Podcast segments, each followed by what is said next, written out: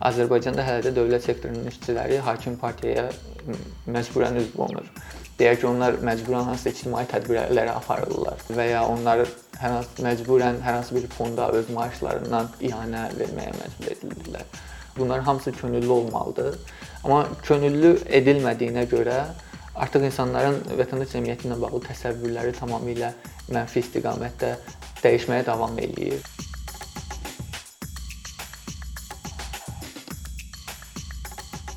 Azərbaycanda biz bu gün e, vətəndaş cəmiyyətinə baxanda, onu analiz edəndə nələri Hı -hı. görə bilirik? İki əsas istiqamətə biz fokuslana bilərik. Birincisi problematik aspektləri vətəndaş cəmiyyəti ilə bağlı mühitin, ikincisi isə daha çox optimizm vəd edən e, tərəfləri. Problematik tərəflərindən biri, daha çox müzakirə olunan tərəflərindən biri odur ki, Azərbaycanda ümumiyyətlə bir konsensus varkən vətəndaş cəmiyyətinin özündə, həm də akademik, analitik çevrələrdə bir konsensus var ki, Azərbaycanda vətəndaş cəmiyyəti zəifdir. Təbii ki, bunun zəifliyinin səbəblərini biz daha geniş müzakirə eləyə bilərik və eləməyə əhəmiyyətli sayıram. Amma ikinci bir tərəfi, optimizm vəd edən tərəfi isə odur ki, vətəndaş cəmiyyəti özlüyündə belə stabil qalmır və mühitin dəyişməsindən asılı olaraq həm də ümumi olaraq ə, e, vətəndaş cəmiyyəti davamlı olaraq transformasiyadan keçir. Yəni hətta məhdudlaşdırıcı mühitdə belə ə, e, vətəndaş cəmiyyətinin vətəndaş cəmiyyəti ilə bağlı məkan və aktorlar davamlı olaraq dəyişir. Məkan genişlənir ya daralır və ya ə, e, yeni aktorlar cəlb olunur və ya müəyyən aktorları tərk eləyir. Ümumiyyətlə aktorların formaları, iştirakın formaları dəyişir və s. yeni imkanlar yaranır. Məsələn, e, sosial media onun özündə sorğulamaq olar ki, sosial media media necə töhfə verir e, və ya bəlkə də əksinə bunu çətinləşdirir ictimai iştirakı. Amma gəlin elə başlayaq vətəndaş cəmiyyətinin zəifliyi məsələsindən. Çünki bu gün qiymətləndirəndə ən çox narahatlıq doğuran məsələlərdən biri vətəndaş cəmiyyətinin zəifliyidir. Biraz geriyə qayıtsaq, vətəndaş cəmiyyətinin zəif olması ilə bağlı bir elmi yanaşmalara baxsaq, buna bağlı ilk deyək ki, elmi empirik yanaşmalardan birini irəli sürən alimlərdən biri Harvard olub. O, o qeyd eləyir ki, ümumiyyətlə postkommunist məkanında daha çox mərkəzi Avropaya və Şərqi Avropanın bəlkə bəzi ölkələrinə fokuslansa da, onun gəldiyi nəticələr məncə Azərbaycan üçün də kifayət qədər ə, əhəmiyyətlidir. Ə, o qeyd eləyir ki, ümumiyyətlə vətəndaş cəmiyyətinin zəifliyi ilə bağlı və vətəndaş cəmiyyəti nə qədər güclüdür sualı ətrafında tədqiqat aparanda təkcə vətəndaş cəmiyyəti təşkilatlarının sayına yox, yəni nə qədər deyək ki, təşkilat var, hansı təşkilatlar var və s. yox, həm də onların e, üzvlüyünə nə qədər maraq var, ümumiyyətlə iştirak nə qədərdir e, bu təşkilatlarda ona baxmaq lazımdır. Və o qeyd eləyir ki, e, bu regionda postkommunist məkanında vətəndaş cəmiyyəti ona görə zəifdir ki, burada üzvlük çox aşağıdır. İnsanların vətəndaş cəmiyyəti təşkilatlarının təşkilatı qurma və təşkilatın işində iştirak maraqları çox aşağıdır. Və həmin e, alim Mark Howard e, vətəndaş cəmiyyətinin zəifliyi ilə bağlı e, səbəbləri hə, həm də e, göstərir. O qeyd eləyir ki, həm Sovet dövründə e, ümumiyyətlə bu zəifliyi postkommunist məkanında Sovet dövrünün e, irsi ilə cəmiyyət üzərindəki dövlət-cəmiyyət münasibətlərindəki irsi ilə əlaqələndirir və deyir ki, bu Sovet irsi əslində insanların e, ictimai etinasızlığına, ictimai məsələlərə diqqətsizliyinə, e, ictimai birliklərdə birləşməsinə e, kifayət qədər e, təsir eləyir, neqativ təsir eləyir və bu səbəblər olaraq göstərir ki, Sovet dövründə məsələn insanlar qeyri-könüllü olaraq dövlətin yaratdığı ictimai təşkilatlarda üzv olmağa məcbur edirdilər və ya məcburən iştirak eləməli olurdular və insanlar bir növ vətəndaş cəmiyyəti təşkil ümumiyyətlə ictimai birlikləri dövlət siyasi sistemin bir parçası olaraq, dövlət sisteminin bir parçası olaraq görürdülər və e, və bu yanaşma hətta deyək ki, kommunizm başa çatdıqdan sonra dövlətlər müstəqilliyə, cəmiyyətlər müstəqillik əldə edəndən sonra da davam eləməyə başladı. E, digər bir səbəb cəmiyyətdə Sovet dövründə informal ailə münasibətlərinin bərkiməsi idi, çünki insanlar öz sosial qayğılarını və ya deyək ki, hər hansı bir problemlərini həll etmək üçün ailə öz maraqlarını təmin etmək üçün ailə və ya qohumluq əlaqələrindən istifadə edirdilər. Bu bu əlaqələr, informal əlaqələr daha çox möhkəmlənmişdi, nəinki ictimai problemlərin həlli üçün iştirak. Və üçüncü tərəfi də o idi ki, xüsusilə də cəmiyyətlər müstəqillik əldə edəndən sonra kommunizm, yəni siyasi sistemin forması dəyişəndən sonra insanlar yenə də e, iqtisadi, sosial, e, siyasi sistemdən e, məmnun deyildilər. Çünki bütün demək olar ki, postsovet ölkələrində elə Azərbaycanda daxil olmaqla bu proseslər çox təlatümlü keçdi və e, yaxşı idarə etmə formalaşa bilmədi. Korrupsiya olduğu kimi qaldı. Ümumiyyətlə dövlətlər e, cəmiyyətin ictimai iştirakçılığını təşviq etmədi və bu ümumilikdə vətəndaş cəmiyyətinə qarşı inamsızlıq davam elədi. Bu nəticələr məncə Azərbaycan üçün də olduqca keçərlidir. Çünki Azərbaycanda da biz baxanda hələ 90-cı illərdən bu tərəfə vətəndaş cəmiyyətində iştirak, ümumiyyətlə üzvlük 1% ətrafındadır rəy sorğularına görə və çox da dəyişməyib. Ümumilikdə vətəndaş cəmiyyətinə etimad çox aşağıdır. Və iştirakçılıq həm də deyək ki, vətəndaş cəmiyyətinin hər hansı bir fəaliyyətində iştirakçılıq çox aşağıdır. Bu da ümumi bir inamsızlıq mühiti ilə həm də bağlıdır. Rəy sorğuları göstərir ki, ümumilikdə vətəndaş cəmiyyəti təşkilatlarına, məsələn, qeyri-hökumət təşkilatlarına inam çox aşağıdır və xüsusilə də 2010-dan bu tərəfə azalmağa doğru daha çox gedib. Və bu inamsızlıq izolyasiyada olan bir inamsızlıq deyil. Bu inamsızlıq həm də məsələn müxtəlif dövlət institutlarına, məsələn parlamentə, mediaya, siyasi partiyalara olan inamsızlığın bir parçasıdır və ən ən vacibi odur ki, insanlar başqa insanlara qarşı inamsızlıqlar və bu da vətəndaş cəmiyyətinin qurulmasını, insanların ictimai maraqları ətrafında toplanmasının qarşısını alan önəmli faktorlardan biridir. Amma Harvard qeyd eləyir ki, bu ümumilikdə dəyişə bilər müsbət istiqamətdə və nəsil dəyişikliyi ilə dəyişə bilər. Bizdə də Azərbaycanda da Sovet dövründən sonra artıq yeni bir gənc nəsil formalaşmağa başlayıb. Yəni o nəsil yetişib ki, onlar e, nə Sovet dövründə dünyaya gəliblər, e, nə də həmin dövrdə böyüyüblər. Yəni Sovetin dağılmasından sonra dünyaya gələn insanların artıq 30 yaşları var. Yəni bu bir yeni nəsil deməkdir. Və bunların heç bir Sovet Sovet təcrübəsi yoxdur. Həmin o dövlət e, zorakı deyək, zorakı qeyri-könüllü təşkilatlarda iştirak və s. Bəs bu ictimai iştirakçılığın artmasına gətirib çıxarmır. Biz görürük ki, təəssüf ki, ə, Azərbaycanda ə, ictimai iştirakçılıq hətta yeni nəsildə də olduqca aşağı səviyyədədir. Bəs institutlara və icmalara bu qədər inamsızlığın, etibarsızlığın və belə ə, necə deyirlər, onlara güvənin olmamasının əsas səbəblərini nə ilə biz əlaqələndirə bilərik? Vətəndaş cəmiyyətində iş əsasən həm də könüllülük işidir və ə, həm də insanlar bunun üçün asudə vaxtlarını ayırmalıdırlar və s. Ümumilikdə sosial problemlərin çox olduğu, iqtisadi vəziyyətin yaxşı olmadığı bir şəraitdə insanlar ictimai fəaliyyətə də həm də çox maraq göstərmirlər. Bu bunun bir tərəfidir.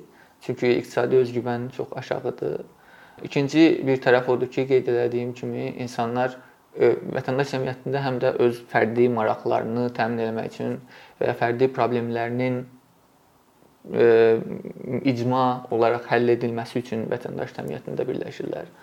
Amma bu informal münasibətlər, qohumluq əlaqələri nə əsaslanan münasibətlər sisteminin hələ də öz mövcudluğunu qoruyub saxlaması insanlar bu baxımdan insanlar öz maraqlarını təmin etmək üçün, öz problemlərini həll etmək üçün bu, münasibətlərdən istifadə etməyə daha çox önəm verirlər və o, o tədqiqatlar da onu göstərir ki, insanlar məsələn asudə vaxtlarında könüllülük göstərmək üçün, könüllü iş görmək üçün və ya ictimai təşkilatlarda yox, məsələn, ailələri ilə vaxt keçirirlər və ya qohumları ilə vaxt keçirirlər və ya hər hansı bir işi evdə görməyə vaxt keçirirlər, nəinki ictimai təşkilatlara vaxt ayırmağa. Digər bir tərəfi bunun təbii ki, təhsillə bağlı olan tərəfidir. İctimai fəaliyyət həm də tənqidi düşüncə ilə bağlı olan bir şeydir. Yəni ictimai məsələlərdə marağın varsa, bu həm də o demək ki, sən problemləri görməlisən, o problemlərin həlli üçün çalışmalısan. Bunun üçün də tənqidi düşüncə çox vacibdir. Bizdə təəssüf ki, təhsil sistemi bu tənqidi düşüncənin formalaşması üçün yetərli imkanlar yaratmır. Və bunun digər tərəfi də təbii ki, siyasi sistemlə bağlıdır. Azərbaycandakı siyasi sistem ümumiyyətlə siyasət, dövlət siyasəti vətəndaş cəmiyyəti ilə bağlı insanların ictimai birliklər yaratmasını təşviq eləmir. Tam əksinə, ictimai birliklərin yaranmasına kifayət qədər həm məhdudlaşdırıcı siyasət irəli sürür, məsələn, qanunvericiliklə bağlı, həm deyək ki, diskriminativ praktikalar var bu sahədə. Məsələn, qeydiyyatın, təşkilatların qeydiyyata alınıb alınmaması ilə bağlı müstəqil təşkilatların təbii ki, Bununla bağlı elə əkinçinin özündə bir neçə dəfə müzakirə olunub vətəndaş cəmiyyəti təşkilatlarının üzlə, üzləşdiyi problemlər. Digər bir tərəfdən də təbii ki, vətəndaş cəmiyyəti təşkilatları ümumilikdə qərarvericilik prosesinə deyək ki, təsirləri yoxdur. Bu baxımdan da insanlar düşünmürlər ki, onlar hər hansı bir məsələ uğrunda hər hansı bir maraqları üçün bir bir araya gəlsələr, onlar nə isə dəyişə bilərlər. Ümumiyyətlə bu inamsızlıq da var. Ümumilikdə vətəndaş cəmiyyətinin, yəni bizim düşündüyümüz mənada vətəndaş cəmiyyətinin nisbətən demokratik vətəndaş cəmiyyətinin, yəni demokratiya ilə əlaqəsi olan vətəndaş cəmiyyətinin zəif olmasının problemi ümumilikdə inamsızlıq mühitidir, hansı ki bu inamsızlıq mühiti təkcə Sovet dövründə qalmadı, həm də Sovetdən sonrakı deyək ki, siyasi sistemdə də davam elətdirilməyə başladı, davam elətdirildi. Məsələn, Azərbaycanda hələ də dövlət sektorunun işçiləri Sovet ənənələrinə baxsaq, Azərbaycanda hələ də dövlət sektorunun işçiləri hakim partiyaya məcburən üzv olunur. Və insanlar harasa məcburən üzv olunanda artıq düşünürlər ki, yəqin ki üzvlük belə bir şeydir. Yəni vətəndaş cəmiyyətində də üzvlük təxminən. Onlar elə belə düşünürlər ki, bu artıq bir siyasi sistemin bir parçasıdır və ya deyək ki, onlar məcburən hansısa ictimai tədbirlərə aparırlar və ya onlar hər hansı məcburən hər hansı bir fonda öz maaşlarından deyək ki, ianə verməyə məcbur edilirlər. Bunların hamısı ümumilikdə hansı ki bu fəaliyyətlər, məsələn, üzvlük və ya ianə və ya könüllü hansısa tədbirdə iştirak etmək, bunlar hamısı könüllü olmalıdır. Amma könüllü edilmədiyinə görə artıq insanların vətəndaş cəmiyyəti ilə bağlı təsəvvürləri tamamilə mənfi istiqamətdə dəyişməyə davam eləyir. Yəni bu qeyd etdiyimiz kimi Sovet dövründə bu ənənə var idi və bu ənənə hələ də davam eləyir və bu baxımdan da ə, bu baxımdan da həm də gənc nəsil artıq görürük ki, həm ictimai məsələlərə, siyasi məsələlərə bir etinasızlıq var. Biz vətəndaş cəmiyyətindən danışanda institusional və ictimai vəkillik kimi mövzulara toxunmaq məqsədə uyğun hesab oluna bilər. Hazırda biz institusional və ictimai vəkillik deyəndə nə başa düşürük və Azərbaycanda bu iki sahənin fəaliyyətini necə qiymətləndirə bilərik? Ümumiyyətlə vətəndaş cəmiyyətinin dövlət siyasətinə təsir eləməsi üçün və ya ümumilikdə siyasət quruculuğunda iştirakı üçün iki iki əsas istiqamət var. Bunlardan biri e, daha çox institusional məkanlardan və ya imkanlardan istifadə eləyərək, yəni daha çox deyək ki, rəsmilərlə görüşlər və ya ictimai dinləmələr təşkil etmək və birbaşa məsələni dövlət nümayəndələri ilə, dövlət qurumları ilə müzakirə edib deyək ki, hər hansı bir islahata nail olmaq və s. müsbət istiqamətdə dəyişikliyə nail olmaq.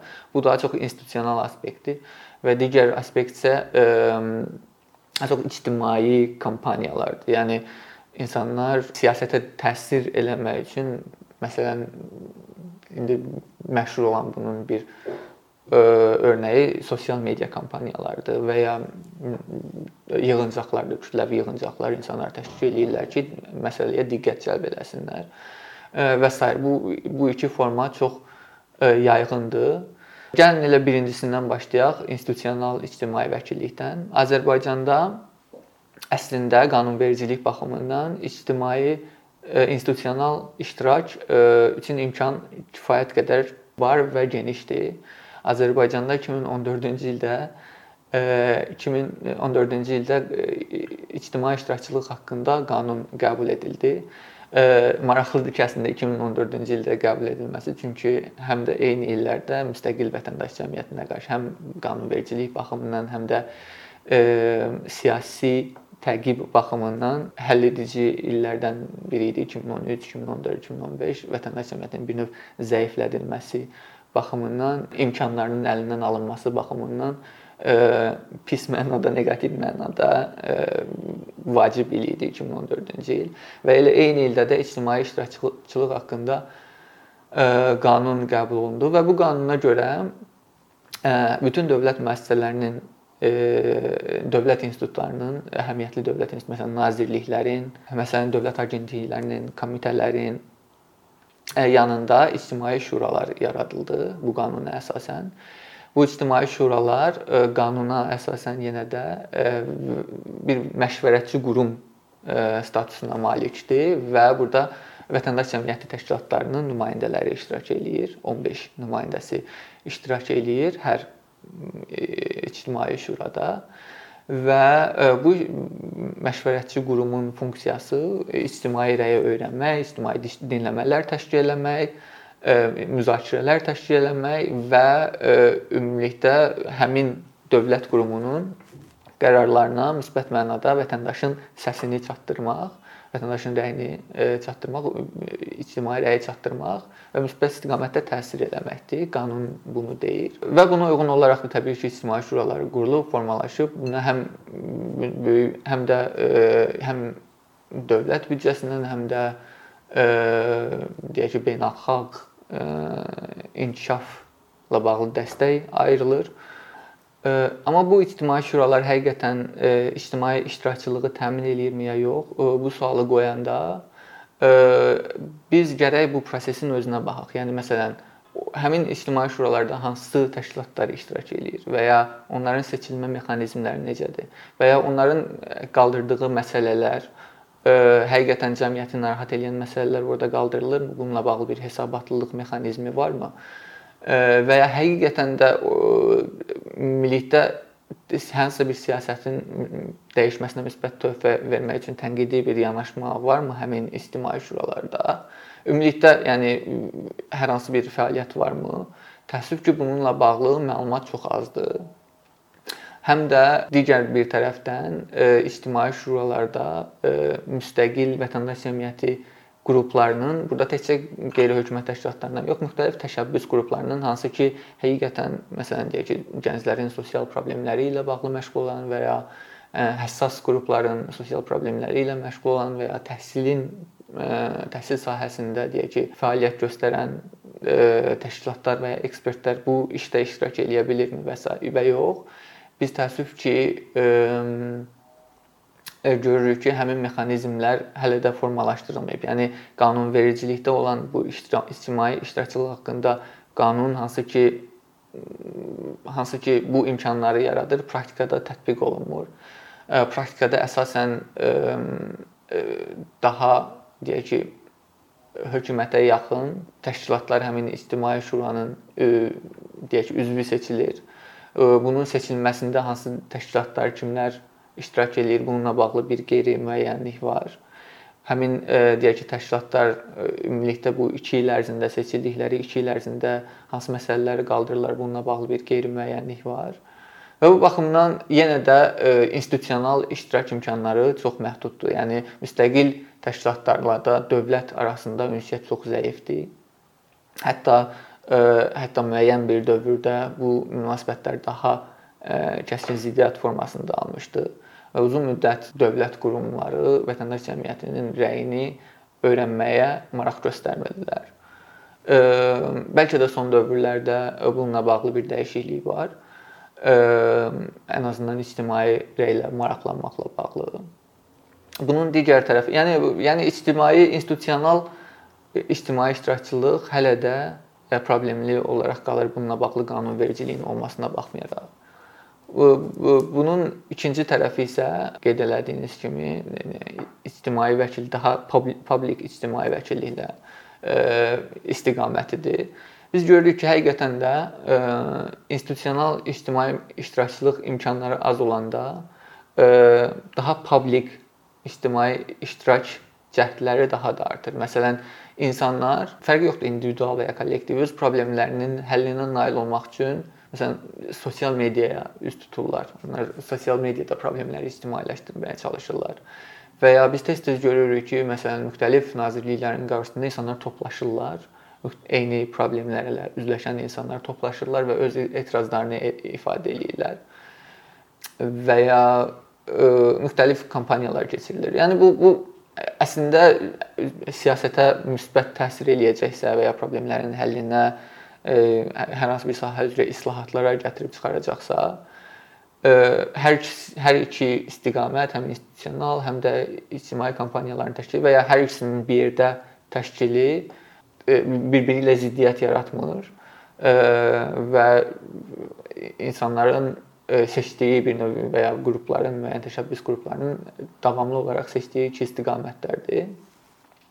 Amma ə, hər ikisinin özlüyündə Azərbaycan kontekstində problemləri var qeyd elədik. Yəni ictimai şuraların effektivliyi nə qədər vətəndaş ə, maraqlarını təmsil etdiyi sualdır.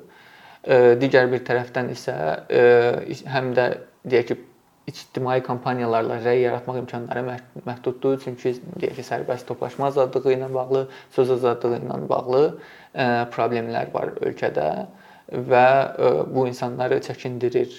Həm də e, ümumiyyətlə müəyyən narahatlıqlarını ifadə eləməklə bağlı tənqidi yanaşma ilə bağlı.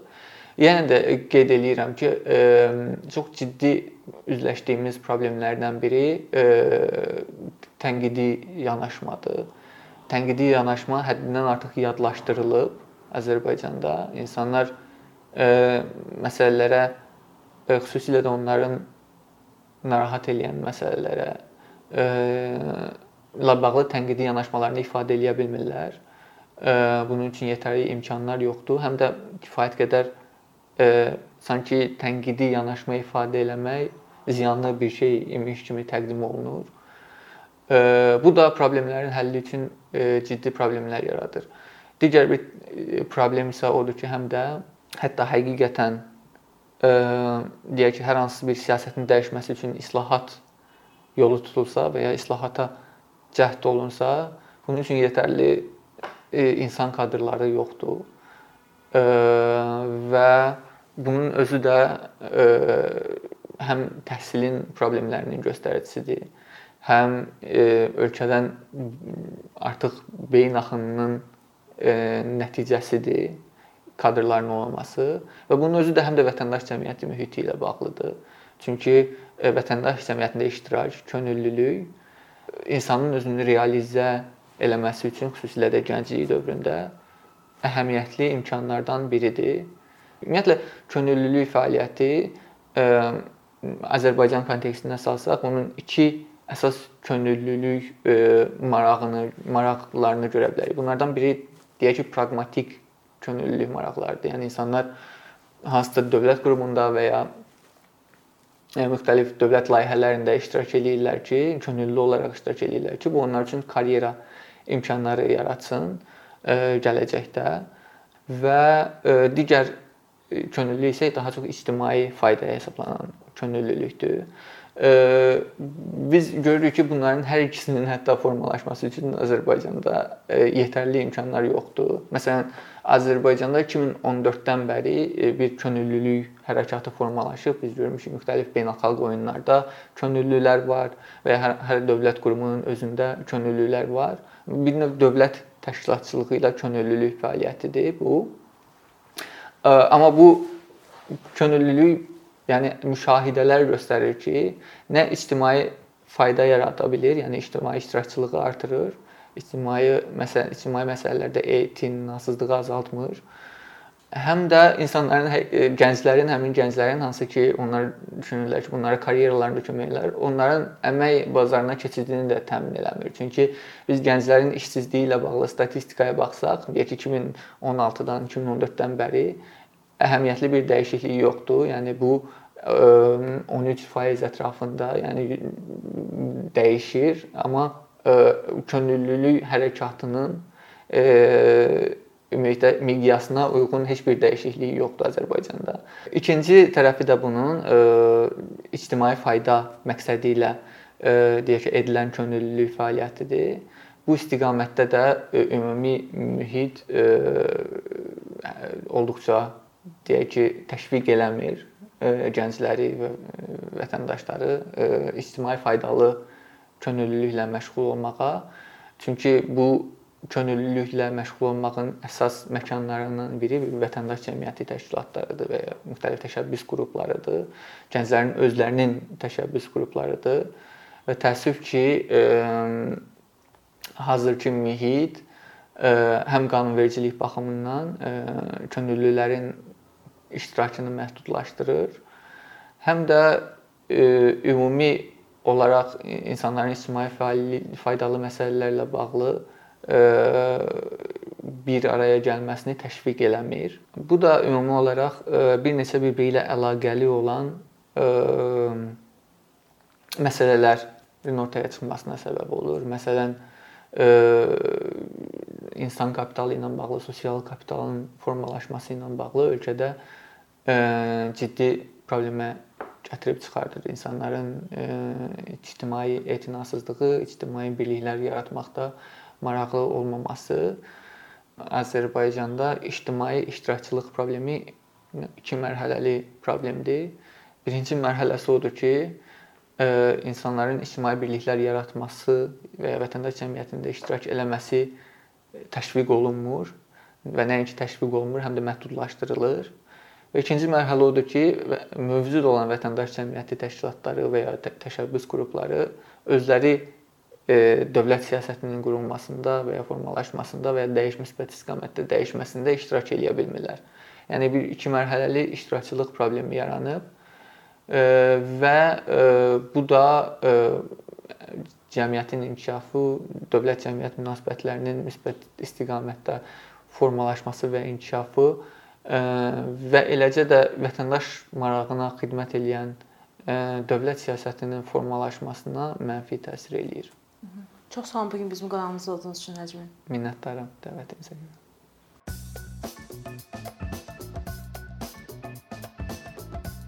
Bir neçə ildir ki, əkinçi olaraq azərbaycanlı izləyicilərin hər zaman faydalana biləcəyi keyfiyyətli və ən əsas ödənişsiz kontent hazırlamağa çalışırıq. İndiyədək təqdim etdiyimiz onlarla animasiya və yüzlərlə çəkilişlər tələbələrin, mütəxəssislərin, müəllimlərin və ümumiyyətlə yeni mövzulardan xəbərdar olmaq istəyən çox sayda insanın marağına səbəb olub. Bu illər ərzində hazırladığımız videolar təhsil, texnologiya, ictimai fəallıq, iqtisadiyyat, gender bərabərliyi, ətraf mühit, ifadə ifadə azadlığı, hüquq, demokratik inkişaf, mədəniyyət və digər mövzuları əhatə edib. Məqsədimiz çoxlu baxış gətirən deyil, çoxlu fayda gətirən videolar hazırlamaqdır. Amma bu düşündüyümüz qədər asan deyilmiş. Gördüyümüz iş kifayət qədər resurs, əmək və təbii ki, davamlılıq tələb edir. Bu səbəbdən Patreon platformasından istifadəyə başladıq. Əkinçinin Patreon hesabının populyarlaşmasına çox böyük ümidlərimiz və gözləntilərimiz var. Bəziləriniz Patreon haqqında ilk dəfə eşidirsiniz. Əslində çox sadə izahı olan bir platformadır. Təsəvvür edin ki, siz rəssam və ya musiqiçisiniz. Sosial şəbəkələrdə sizi izləyən, işinizi bəyənən çox sayda insan var. Patreon platforması sizə imkan verir ki, izləyicilərinizin könüllü aylıq ödənişləri sayəsində işinizi davam etdirəsiniz. Sərgi, konsert zallarından asılı qalmayasınız. Amma bu təkcə rəssam və musiqiçilərə aid deyil. Məsələn, əkinçiyə bənzər fəaliyyətlə məşğul olan bəzi layihələrin 10 minlərlə patronu var. Biz də düşündük ki, nə üçün əkinçinin Patreon hesabı olmasın? Sizin dəstəyiniz sayəsində biz daha çox və daha keyfiyyətli kontent yaratmağa davam edə biləcəyik. Amma bu dəstək yalnız maddi dəstək deyil. Dəstəkçilərimizin sayının artması gördüyümüz işlərin faydalı olduğuna dair əminlik verir. Patreon platformasından istifadə çox sadədir. Hesabınızı açırsınız, sizə uyğun dəstək növünü seçirsiniz və Patreon özü hər ayın ilk günü kartınızdan seçdiyiniz dəstək növünə uyğun ödəniş tutur. Bu qədər. Sonda onu demək istəyirik ki, dəstəkçilərin sırasına qoşulmaq istəyən, amma məhdud imkana görə bunu edə bilməyənlər narahat olmasın. Daha öncə dediyimiz kimi, bizim əsas məqsədimiz daha çox insanın hər zaman faydalana biləcəyi keyfiyyətli və ödənişsiz kontentin yaradılmasıdır. Bunun üçün mütləq patronumuz olmalısınız deyə məcburiyyət yoxdur. Amma imkanınız patron olmağa çatırsa və bizim işimizi bəyənirsinizsə, patronlarımızın sırasına qoşulmağınız bizim üçün çox əhəmilidir.